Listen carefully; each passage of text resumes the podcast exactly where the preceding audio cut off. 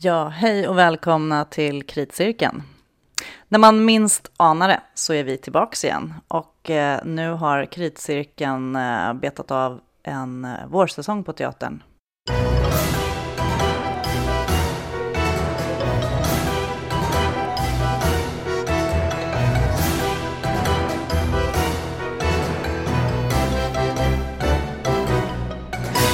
Välkommen Loretto, hur mår du? Eh, jag mår faktiskt bra, jag är lite, jag är lite pollenhes. Det är inte så att jag är sjuk eller så, utan jag bara... Uh. Så, men ha överseende, kära lyssnare. Eh, hur har din teatervår varit? Eh, alltså, jag vet inte om det har att göra med att jag har sett ganska lite den här säsongen. Det känns som att jag har missat det mesta som har gått i Stockholm, sett eh, det mesta som har gått i Uppsala däremot. Um, tycker att Uppsala har haft uh, en bra vår, Uppsala stadsteater alltså. Um, men liksom väldigt lite som eh, har varit minnesvärt. Um, så när som på att uh, ha liksom ändå kunnat uh, staka ut ett visst tema uh, hos de saker som man faktiskt minns. Inte nödvändigtvis att man minns dem för att de är bra, men de, man minns dem för att de har varit annorlunda. Um, det kommer vi prata lite mer om sen. Ja, men det skulle jag också kunna säga att det har varit en eh, formvår eh, av det som jag har sett. Eh, flera olika eh, uppsättningar har eh, liksom stuckit ut lite med intressanta formgrepp och sådär. Jag tycker att det har varit lite, alltså jag har inte så många sådana wow-upplevelser vad jag kommer på sådär på rak arm. Men du, alltså det är ju valår i år. Tycker du att, eh, tycker du att det har märkts på scenerna? För det tycker inte jag. Jag har inte sett någonting som har tytt på att det är val i år. Har du sett något? Jag tänkte lite på det i början av säsongen och eh, det, var, det kom ett par eh, uppsättningar som jag såg som jag tyckte verkligen var sådär, oj nu, det här är typiskt valårssatsningar. Och, men till att börja med så var det ju eh, Unga Klara som gjorde den här demokratiföreställningen. Eh, Athena Farrokhzad har skrivit en eh, ganska lyrisk pjäs eh, som heter Torget som handlar om vad demokrati är kan man säga, demokratibegreppet och eh, väldigt pedagogisk och intressant så klassrumsteater. Eh, jag tyckte att det var en eh, bra och intressant och fin text som man kan också lära sig mycket av som vuxen, men den riktas ju till skolor, typ högstadie och gymnasiet. Förstagångsväljarna tror jag det är de är ute efter.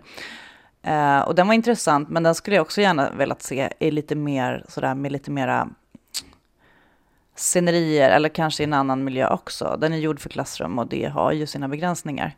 Eh, det är en typisk sån. Um, och sen tycker jag nog att eh, Christian Hallbergs Ur svenska hjärtans djup på Teater Galeasen var en sån. Den handlar ju om, eh, man kan säga, ett Sverige, hur formulerar man i recensionen? Ett Sverige i skuggan av löpsedlarna kan man säga att från Palmemordet och fram till nutid. Eh, Ungefär som att man eh, har hängt upp tidslinjen på stora händelser. Alltså från Palmemordet, Anna Lind, eh, några sådana typiska dramatiska, mediala stora händelser. Eh, och så får man följa en familj då, hur de på något sätt förhåller sig till det här och hur deras liv pågår och hur de förändras. Det kommer naturligtvis in också diskussioner om förhållandet till eh, hur liksom rasismen, smygrasismen växer fram. Sen så var ju Lukas Svenssons bearbetning av eh, Selmas, Kejsaren av Portugalien, på Riksteatern. Den gjordes ju liksom en, det är ju en nyskriven bearbetning av den romanen som är förlagd till liksom folkhems-Sverige. Eh, och det finns ju absolut politiska eh, detaljer i den. Och också ett försök att berätta om Sverige. Men å andra sidan så, jag brukar säga att nästan all teater är ju mer eller mindre politisk. Men just det här valårsvinkeln skulle jag nog säga att det är de här tre. Som, alltså, jag tror att de är liksom väldigt eh, tajmade ett valår. Men, eh, men annars så tänker jag det som, som jag tror har präglat den här våren är just det som vi pratade om, det här lite spännande, annorlunda grepp eh, formmässiga grepp? Ja, alltså, jag kommer eh, spontant att tänka på Visit Kronos på Turteatern som är, skulle kunna säga liksom att det är nästan är så här fan, fanart av eh, Star Trek, eh, fast ur klingonernas perspektiv. Uh, och då är det liksom, uh, då har de gjort så liksom att det är ett gäng klingoner som kommer till uh, Kärrtorp för att ha föreläsningar om sin kultur. Och så står de där liksom och, och tycker att publiken är dum i huvudet och, och hånar dem och så får man liksom provsmaka deras mat och deras sprit och sådär. Um, men eh, givetvis med ett uh, underliggande politiskt budskap där också, nämligen um, uh, mellanförskap och uh, vithetsnormer och vad som händer när man vänder på det perspektivet. Uh, så jag är ju också gammal trekkie så jag tyckte ju att det var, det var, det var väldigt roligt att se. Det var jättefina masker och kostymer. Hur smakade det? Jag smakade ju på den här så det var, gud, jag har ingen aning om vad det var jag stoppade i munnen, men det var som någon så här bläckindränkt eh, spaghetti eh, som skulle föreställa någon så här klingonsk delikatess som jag inte kommer ihåg namn, så här, bra tjecker som inte kommer ihåg namn på grejer. Men i alla fall, men det var ganska äckligt. Ja, men jag tror att jag bräcker dig ändå lite grann där, för att jag gick ju på en performance, den här uh, The Waldorf Project, apropå smaka på saker. Uh, och den, uh, det är en uh, brittisk performancekonstnär som har gjort den här typen av konceptet förut i flera olika versioner. Och det här var ska man säga, en förstudie till nummer fyra tror jag.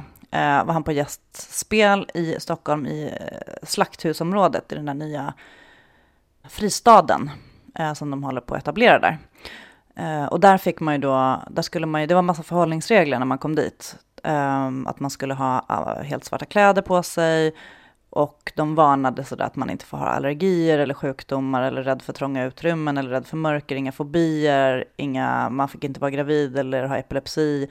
Det går inte, det gick inte att vara rörelsehindrad för man var tvungen att kunna röra sig fritt och man får ta av sig skorna och kommer in där och så blir det mörkt och så blir man inledd av personer som är helt liksom svartmålade. Eh, alltså man får en bödels, det känns som att man lite ska gå till slakt, eller så tänkte jag så för att det var ett slakthus.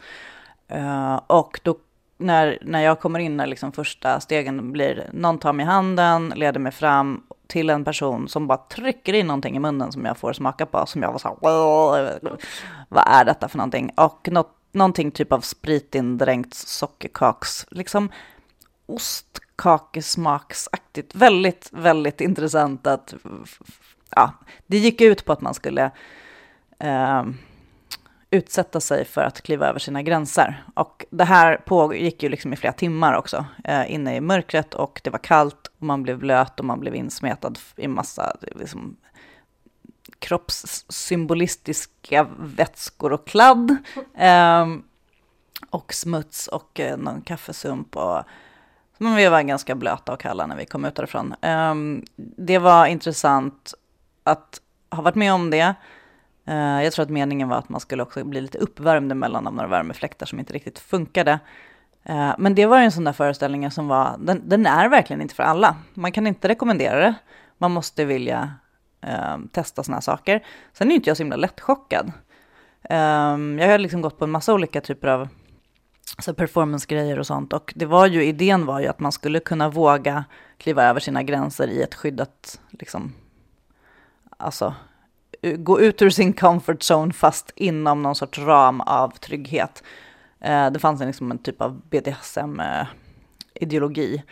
Eh, även om det inte gick sexuellt över gränsen så var det ändå människor som tog på en och Eh, man fick stå nära om man skulle krama varandra och sådär. Ehm, det är roligt att en sån grej kan göras i Stockholm faktiskt. Jag tycker att det är mycket som är sådär lite ängsligt. Det här skulle ju man lätt kunna betrakta som någonting sådär sjukt och galet och knäppt. Eh, man fick också, man blev ihälld sprit och sådär. Det känns man, lite roligt att det är så här, sånt här kan man göra och gå på. Sen så var det ganska dyrt. Uh, och jag tror att de eh, tidigare versionerna har faktiskt varit lite stråt vassare. De var inte riktigt hemma i, i liksom, det kräver ju väldigt mycket. Jag tror det var 20 pers eller 15 pers någonting som ledde runt de här människorna. Och publiken var kanske max 20 åt gången. Uh, eh, det var intressant och lite roligt. Och apropå um, och så med alla beståndsdelar i performance, att det ska ingå liksom. Det är lite, det är lite klyschigt och så, men om man aldrig har varit med om det så tycker man ju också, det är lite så här, då ska det väl ingå. Då ska man väl bli nersmetad med gegga och jord och bli blöt och, eh, och känna sig lite förnedrad. Um, men så blev man ompysslad på slutet. Det var intressant. Eh, mest, mest egentligen för att det kan hända i Stockholm. För att den här typen av vandringsföreställningar sånt, det är ju ganska svårt. Det krävs ju enormt, att det är enormt väl arrangerat för att man ska känna att det blir sådär wow. Eh, jag läste att DNs konstkritiker hade gått efter halva och eh, blivit eh, förbannad. det tyckte jag var roligt. och sen har jag varit på en till sån här performance man promenerar runt som handlade om döden. Slutet av Osynliga teatern. Det var också en sån här liten exklusiv upplevelse. Det var också 30 personer åt som man tog in. Och då var det som typ av en begravningsritual, om man ska säga. Eh, och det handlade dokumentärt om döden och vad som händer i livets slutskede. Och den tyckte jag var jätte, jätte, jättefin. Det var lite jord på slutet, men det var ingen som kladdade ner mig. Eh, men man kunde ju bli, liksom, få sitt smink utkladdat om man började gråta. Och det var en ganska, alltså, ja, den väckte verkligen saker i en. Den, den tyckte jag var fin. Det hoppas jag nästan att den kommer tillbaka och görs lite fler gånger. Uh, för jag förstod det som att den blev ganska snabbt utsåld också. Um, så det var intressant, tycker jag. Uh, har, du varit, har du varit med om andra typer av form, formintressanta saker? Ja, alltså eh, när du pratar om det här, eh, om de här två, så kommer jag att tänka på en grej som jag såg i Uppsala som het, heter Dopet, alltså Dop 1 med en etta. Eh, av Tove Berglund, eller Ellen Nordlund och eh, Martina Elm som är mm, andra delen i en trilogi om våra viktigaste övergångsritualer. Så den första delen var bröllopet som jag inte har sett och sista delen är begravninget eh, begravningen kanske, som kommer att ges i oktober. Eh, och den här eh, gjordes då i ett eh, privat litet badhus i Uppsala. Eh, och där fick man också instruktioner, nämligen att man skulle ha med sig badkläder. Eh, så, så då kommer man dit och så blir man liksom så här... Eh, alltså det var ju liksom per definition en väldigt utlämnad situation eftersom man vet ju liksom att man kommer vara tvungen att vara naken förr eller senare, eller åtminstone i, badkläderna. Eh, men man känner sig faktiskt inte så utlämnad, utan de var väldigt eh, omhändertagande. Även om liksom alla de här klyschiga performance-elementen fanns med, liksom i början så hade man, eh, gick man med förbundna ögon och sen så lyssnade man på en föreläsning Jag tror att det var ett par psykologer i hörlurar medan man gick liksom och var blind och döv och blev liksom ledd i, ett rum, från ett rum till ett annat. Liksom med, eh, i baddräkt med såna här varma sköna spa-badrockar. Sen så fick man eh, skulle man eh, duscha av sig och liksom allting var liksom konstigt. Hela liksom, ska man säga, badhusupplevelsen var liksom på något sätt rekonstruerad till att um, närma sig dopritualen på olika sätt. Eh, så då fick man liksom duscha av sig som man brukar göra när man ska hoppa in i en, i en simbassäng. Eh, och sen så fick man hoppa in i den här simbassängen eh, varpå man, vi kollektivt blev döpta eller doppade liksom och höll i ett varsitt ljus i handen. Liksom. Så jättefint. Och där, vi fick också äta. Vi fick liksom, vi fick någon så här um, slushy som vi fick liksom eh, dricka ur sugrör i såna här små, eller ganska stora mm, eh, glasskålar. Eh, liksom väldigt så här, all, allting var väldigt varmt och gulligt och sen så liksom när man hoppade av ur bassängen och duschade av sig och klädde på sig så blev man också kladdad på eh, med guldglitter och sen så var liksom under premissen att eh, de skulle massera ens aura så, och sådär. Um, så visst, alltså, jag var jättenervös för att behöva liksom visa mig i, i badkläder, men det var liksom så himla fint gjort. Att det var liksom bara en eh, väldigt fin, eh, fin upplevelse, bara liksom ligga och, och flyta i den här eh, bassängen och titta på den här ljusshowen som de hade satt upp. Och så var det musik av eh, Sara Parkman. Jätte, jättefint, absolut liksom inte någonting som skulle vara chockerande eller, eller någonting. Um, Däremot hade jag kanske önskat att de hade skurit ner på, för jag tror att det var tre olika miniföreläsningar som man fick lyssna på eh, tycker jag att vi hade nog förmodligen klarat oss utan, och, utan bara liksom få, få det här kroppsliga, mm, översinnliga upplevelserna, liksom känna dofterna, känna, känna vattnet, känna tyngdlösheten. Eh, det hade räckt gott och väl. Blev det övertydligt liksom? Jag tror att, liksom att det blev, jag tror att det blev, eh, inte övertydligt, men det, man ville liksom lite för mycket. Um, jag tror liksom att det finns ändå en plats för den eh, senmoderna människan att kunna tolka ritualer och deras, dess innebörd utan att man har en eh, religionssociolog eller en psykolog som berättar liksom om vad ritualers innebörd, eller jag kanske bara säger så bara för att jag liksom är etnolog och har läst religionsvetenskap. kanske bara för att jag tycker att det är old news. Men eh, nej, jag vet inte, jag hade liksom tyckt att det hade räckt, alltså liksom så här, pratar liksom om att allting ska vara så himla textuellt eller så himla pratigt. Så jag hade ju liksom en ypperlig chans att låta allting bara, bara handla om sinnena. Mm. Nej men det, det, tänkte jag på med faktiskt med slutet där också. Där använder de ju också greppet att i första rummet när man kommer in så har man, då får man en berättelse, man får hörlurar. Man får kvittera upp en urna och så får man hörlurar och så hör alla samma berättelse och så sitter man i ett rum som är liksom som en vad ska jag säga, alltså som typ, det ligger massa utströdda blommor torkade på golvet, man sitter på rad, det är lite som en så här äh, begravnings, alltså som en defilering har varit, att man sätter sig där och eh, och så får man höra en röst som berättar om, och det är dokumentärt och det förstår man, det, det, allting är dokumentärt baserat. En röst som berättar om när han då i mars fick veta att han skulle dö. Eh, och det är väldigt starkt och väldigt intressant. Um, och sen så bytte de de här greppen några gånger. Jag tyckte att de gjorde det väldigt bra, men det är intressant att se hur den här lilla performancevärlden som vi är i, eller som man, som man besöker, har, använder ganska liknande grepp, även om upplevelserna blir väldigt unika och, och olika.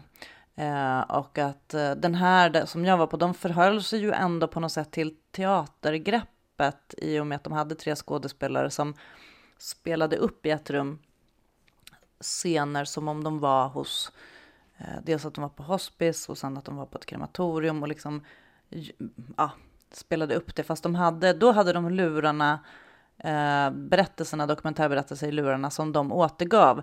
Och det är väl såna grejer som man var så men det här, det här var ett grepp som de ville, som de tyckte var intressant. Det hade, det hade liksom lika gärna kunnat vara att de spelade en scen där, alltså på ett vanligt sätt, det hade man ju köpt. Um, men, det var, men det var roligt. Och sen så då så var det inte så mycket sinnen egentligen. Det här där man kunnat, alltså man kom in i rummet med jord och så, där luktade det lite så speciellt. Men om man tittar på som den där Waldorf, där var det ju ingen text alls. Um, så vitt jag minns. Men uh, där var det, där var det liksom det fysiska och uh, liksom det var, det var jag som var huvudpersonen hela tiden. Um, men det var svårt också att få en överblick över allt annat som hände. I de situationerna tycker jag att det är svårt att vara kritiker. Faktiskt, när man är, jag måste göra de här grejerna och så måste jag skriva om min upplevelse. Det är svårt att få liksom, att kunna liksom se hela konceptet. Och det är ju såklart för att man vandrar runt.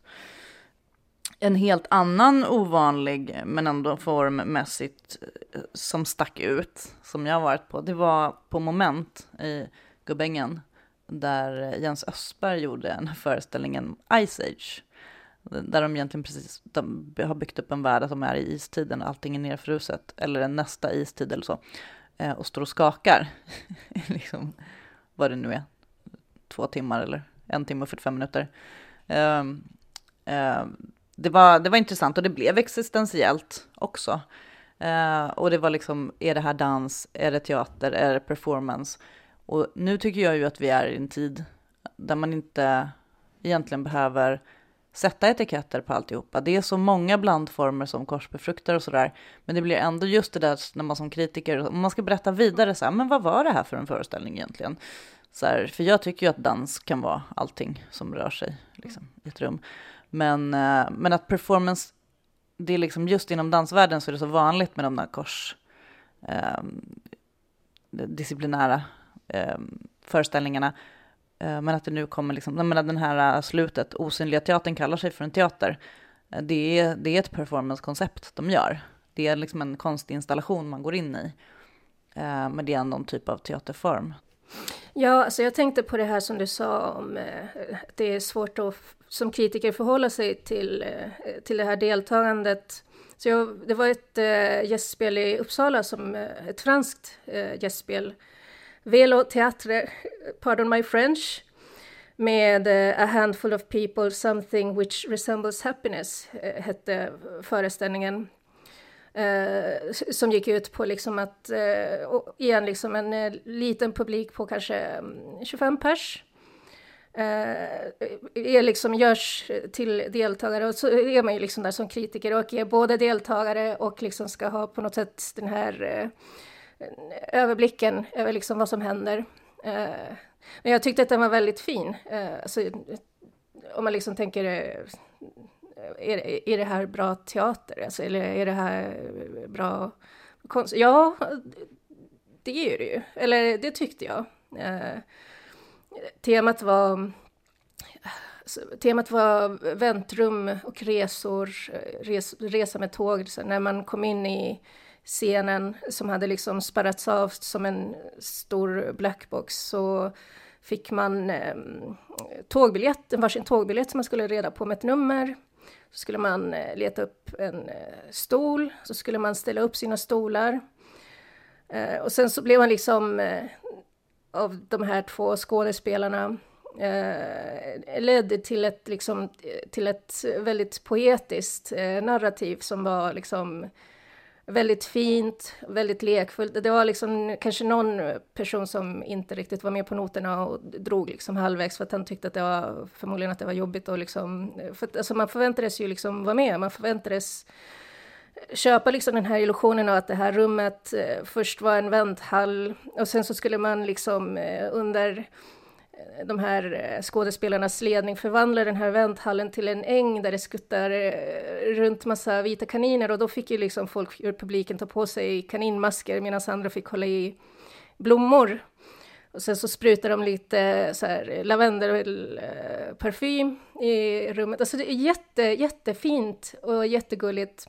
Jättesvårt att liksom förhålla sig eh, som kritiker, speciellt liksom när man på slutet ska eh, de har liksom ställt upp ett stort bord så här för Object Theater, är liksom deras specialitet.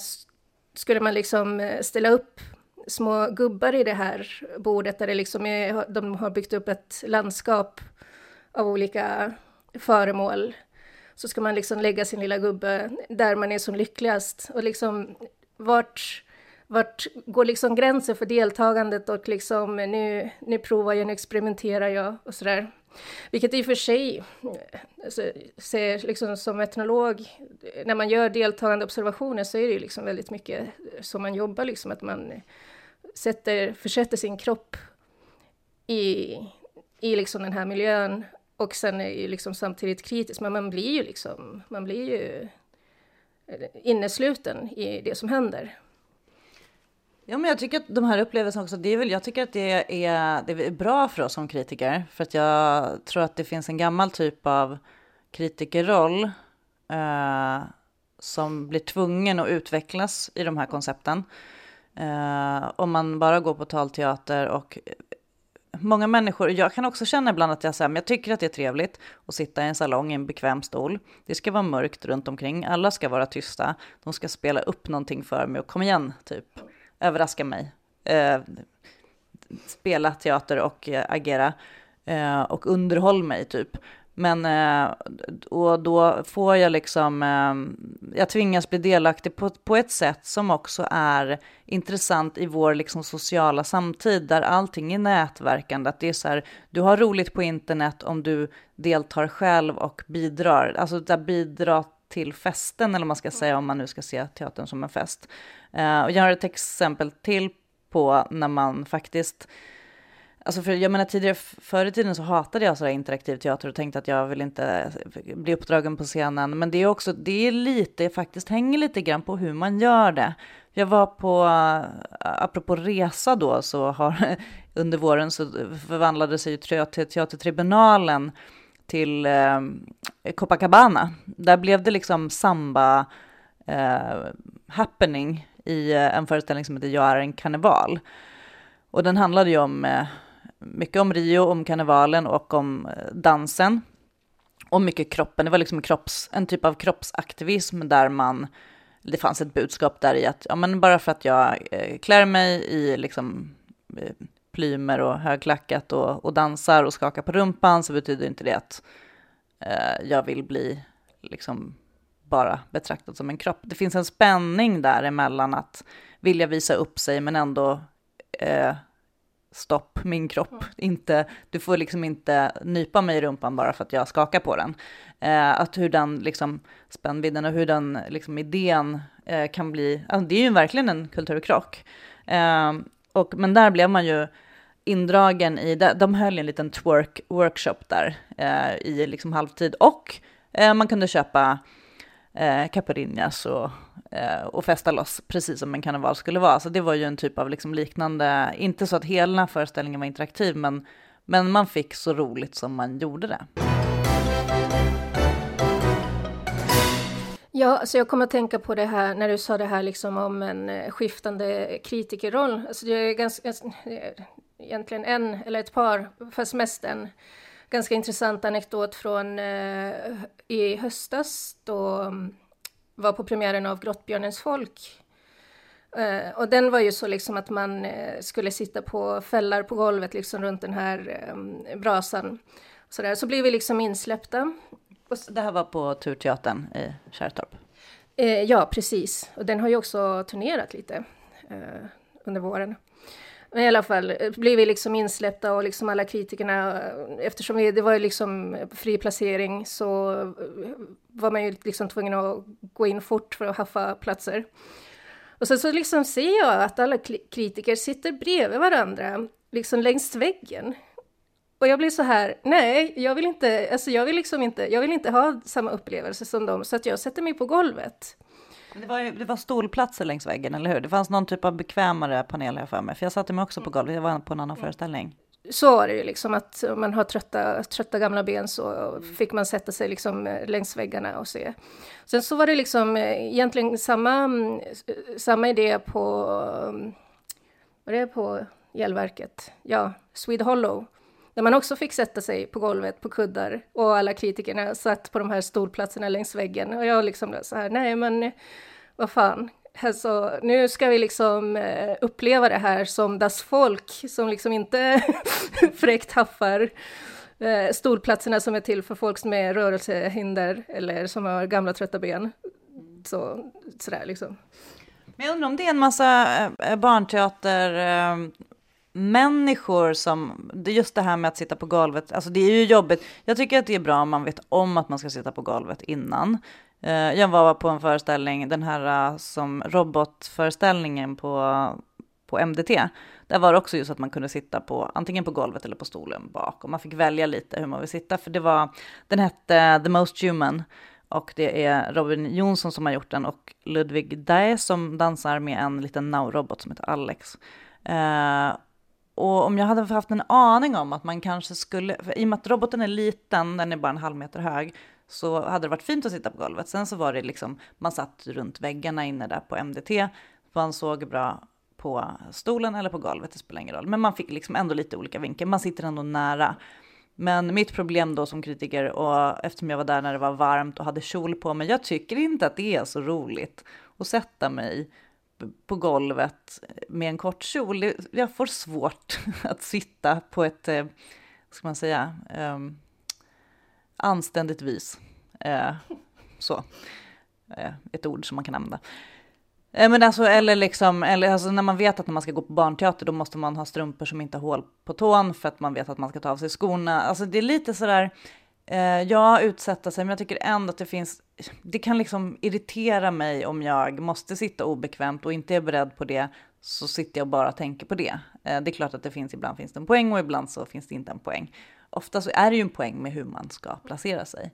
Eh, och Grottbjörnens folk var ju verkligen också sådär att man, det var ju meningen att man skulle sitta, att man så sitta som att det kändes som att man satt i en grotta och runt elden, även om det var väldigt, väldigt långt ifrån en illusion av en grotta. Det var ju verkligen en så här teaterstiliserad, liksom artificiell, det var, var väl plastvägg, alltså väggar och ja, sådär. Men, eh, men, men att det fanns en poäng med det och också just för att man ser alltså hur man arbetat med spelvinklar. Vilken liksom, finns det en fram och en baksida av den här, de här rörelserna eller eller jag menar som man ser man någonting på stora scenen på Dramaten så är det liksom alla tittar från samma vinkel framifrån. Och mitten då har de en, en framåtriktning och en bakåt och sådär. Um, men den för övrigt också var en väldigt fin föreställning, robotdansen. Uh, den handlade ju väldigt mycket om uh, hur uh, ja, interaktionen mellan maskin och människa och den landar ju väldigt mycket i det existentiella. Och det var lite roligt för jag hade sett en föreställning tidigare i vår där eh, Bernard Couchard gjorde en eh, föreställning som heter Du och jag, en dock på Marionetteatern med en life size storlek docka där som han dansar med. Och den blev lite så som man kan tänka sig. Jag tänkte på det när jag såg den, att ja, men så här liksom i en framtid när våra som sällskapsdjur nu kanske blir robotar som är lite intelligenta och man behöver aldrig vara ensam för det finns en man kan leka med en stor docka och eh, som kan också hjälpa en med hushållssysslorna. Eh, så det var liksom lite samma spår. Det är lite intressant med de typen av, alltså den här framtidsforskningen som pågår, eh, som jag tyckt in, som stora delar av scenkonstvärlden inte alls egentligen förhåller sig till. Eh, annat kanske än med så här eh, scenografiska effekter eller Alltså vi såg ju liksom handkamerorna hur länge som helst. Det är ju inte alls någonting nytt. Det är ju så egentligen gammal teknik, men att det har varit så det nya svarta i flera säsonger. Men nu kommer det ändå lite annan typ av teknik som funkar. Jag har även varit på VR-dans. Ja, just det, VR-dans, hur var det? Ja, men det är Kungliga Balletten, Operan har gjort en satsning på virtual reality och gjort en, alltså verkligen så här äh, baby steps i tås, eller ja, det är inte tåspets, utan det är Sharon Neals Half-Life eh, som de har gjort en eh, 360, filmat i 360 då, som man kan se i med VR-headset om man går till operan eh, och se hela balletten i, ja, i olika vinklar och komma, så man hamnar liksom uppe på scenen då i den här uh, världen och de dansar emot den och man kan sväva och flyga ovanför dem. Jag fick inte se hela, full, hela balletten utan jag såg en bit och de har visat den i några kortversioner och jag tror att de kommer göra en längre som man kommer kunna se också. Um, men eh, det är ju ett väldigt häftigt sätt att studera och verkligen och få närstudera dans. Um, den funkade så pass bra, den, de har jobbat väldigt bra med den, den funkade tekniskt bra. Men det är ju inte alls så mycket, det är inte avancerat så att jag kan interagera med dansarna utan den är ju avfilmad. Uh, så det, det, finns inte så mycket interaktiva inslag. Jag kan välja, liksom vrida huvudet och välja mina vinklar sådär. Uh, men det, det tycker jag är väldigt, väldigt roligt. Uh, att det kan användas och framförallt också att jag tror att det kan locka lite ny publik. Uh, eller locka att se ett verk en gång till med så pass bra möjligheter till närstudier. Det är ju väldigt, väldigt häftigt att se så duktiga dansare. Alltså, jag menar på operan, man sitter så långt ifrån som man gör. Eh, och det är ju också, de, de är ju skapade föreställningarna för att man ska sitta på ett visst avstånd. Men det här var väldigt häftigt. Och eh, sen är hon en intressant koreograf som också är väldigt öppen för. Hon jobbar ju liksom, hennes musik görs av DJs. Det är alltid lite klubbkänsla och lite, alltså det är liksom nattklubbspuls i föreställningarna. Hon har väldigt mycket robot, humanoid estetik. Så det funkar bra. Men det var roligt, så det har jag också gjort. Men, ja, faktiskt mycket spännande. Många spännande formgrepp. Ja. Ja, det känns som att vi bara, oh, gud vad tråkigt året har varit, men det har ju liksom ändå varit eh, stimulerande om inte annat.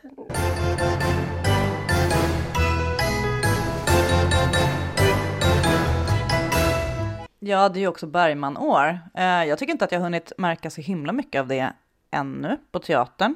Det är väl Bergmanfestivalen kanske som kommer. Det spelas en massa föreställningar runt om i världen. Eh, jag har varit och tittat på den nya Bergmanutställningen som har öppnat på Scenkonstmuseet och den tycker jag var fin. Eh, där finns det, den har väldigt mycket fokus på teater. Det tycker jag är roligt. Ehm, jag, jag, brukar ju alltid säga det, att jag tycker inte att Bergman var jätteintressant ehm, som teatermakare.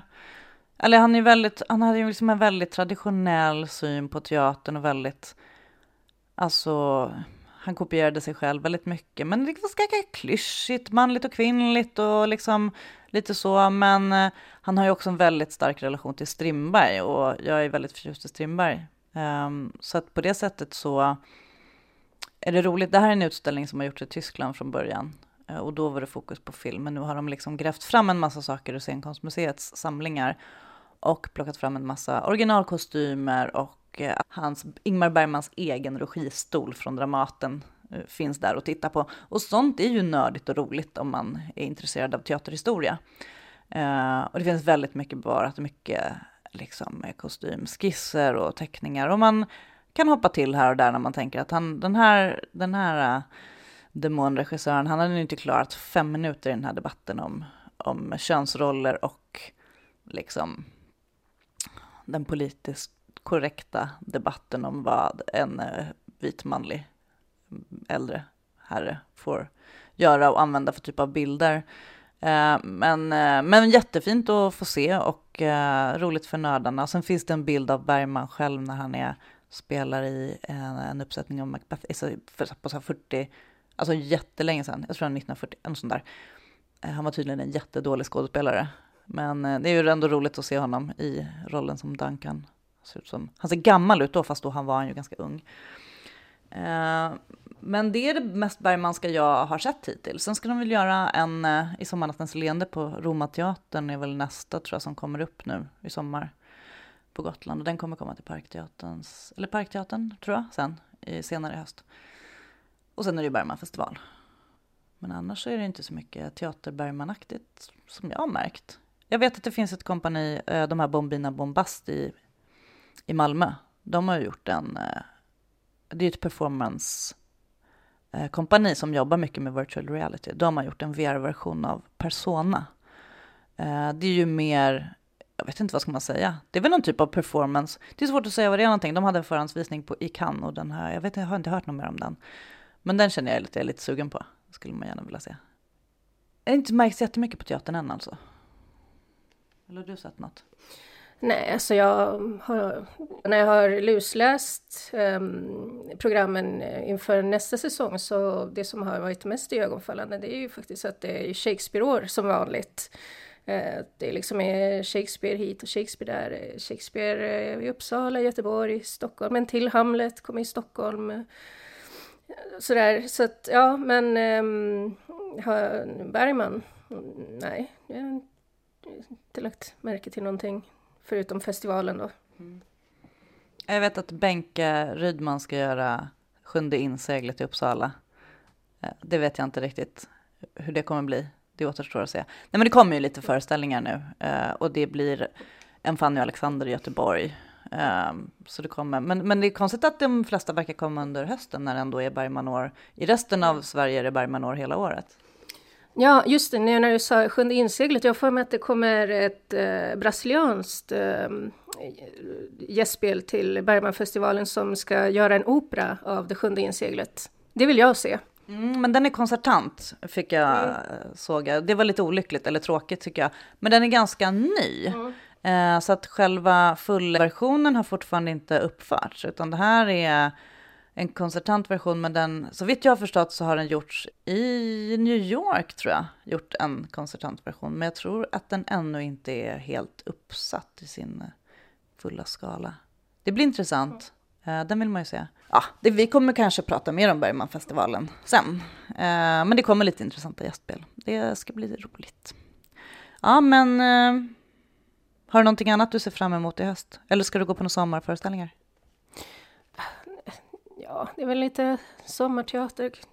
Det är ju den här eh, Norrmalmstorgsdramat som ska bli opera i Vattnäs Det vore kul att gå på. Ehm, sen så har jag väl liksom egentligen inte tänkt så långt fram. Nej, jag har inte några speciella sommarföreställningar inplanerade vad jag vet just nu. Men sen tycker jag också att säsongen börjar ju ganska, den börjar ju tidigare och tidigare. Eh, det är ju en dockteaterfestival i Stockholm också precis före Bergman. Och den eh, tänkte jag att jag ska försöka ha lite koll på så att jag inte missar. Jag älskar ju dockteater. Eh, och sen blir det Bergmanfestival, sen är det Göteborgs dans och teaterfestival också. Allt det där går ju kant i kant och överlappar varandra lite grann. Och sen kommer Östersjöfestivalen och ja. Det är som vanligt att allting händer samtidigt i augusti. Um, jag kanske tar lite ledigt i juli, det är möjligt. Men eh, då säger vi eh, trevlig sommar så länge från Kritcirkeln och tack så mycket för att ni lyssnade. Jag heter Cecilia Djurberg och jag har som vanligt pratat med med Loretta Villalobos.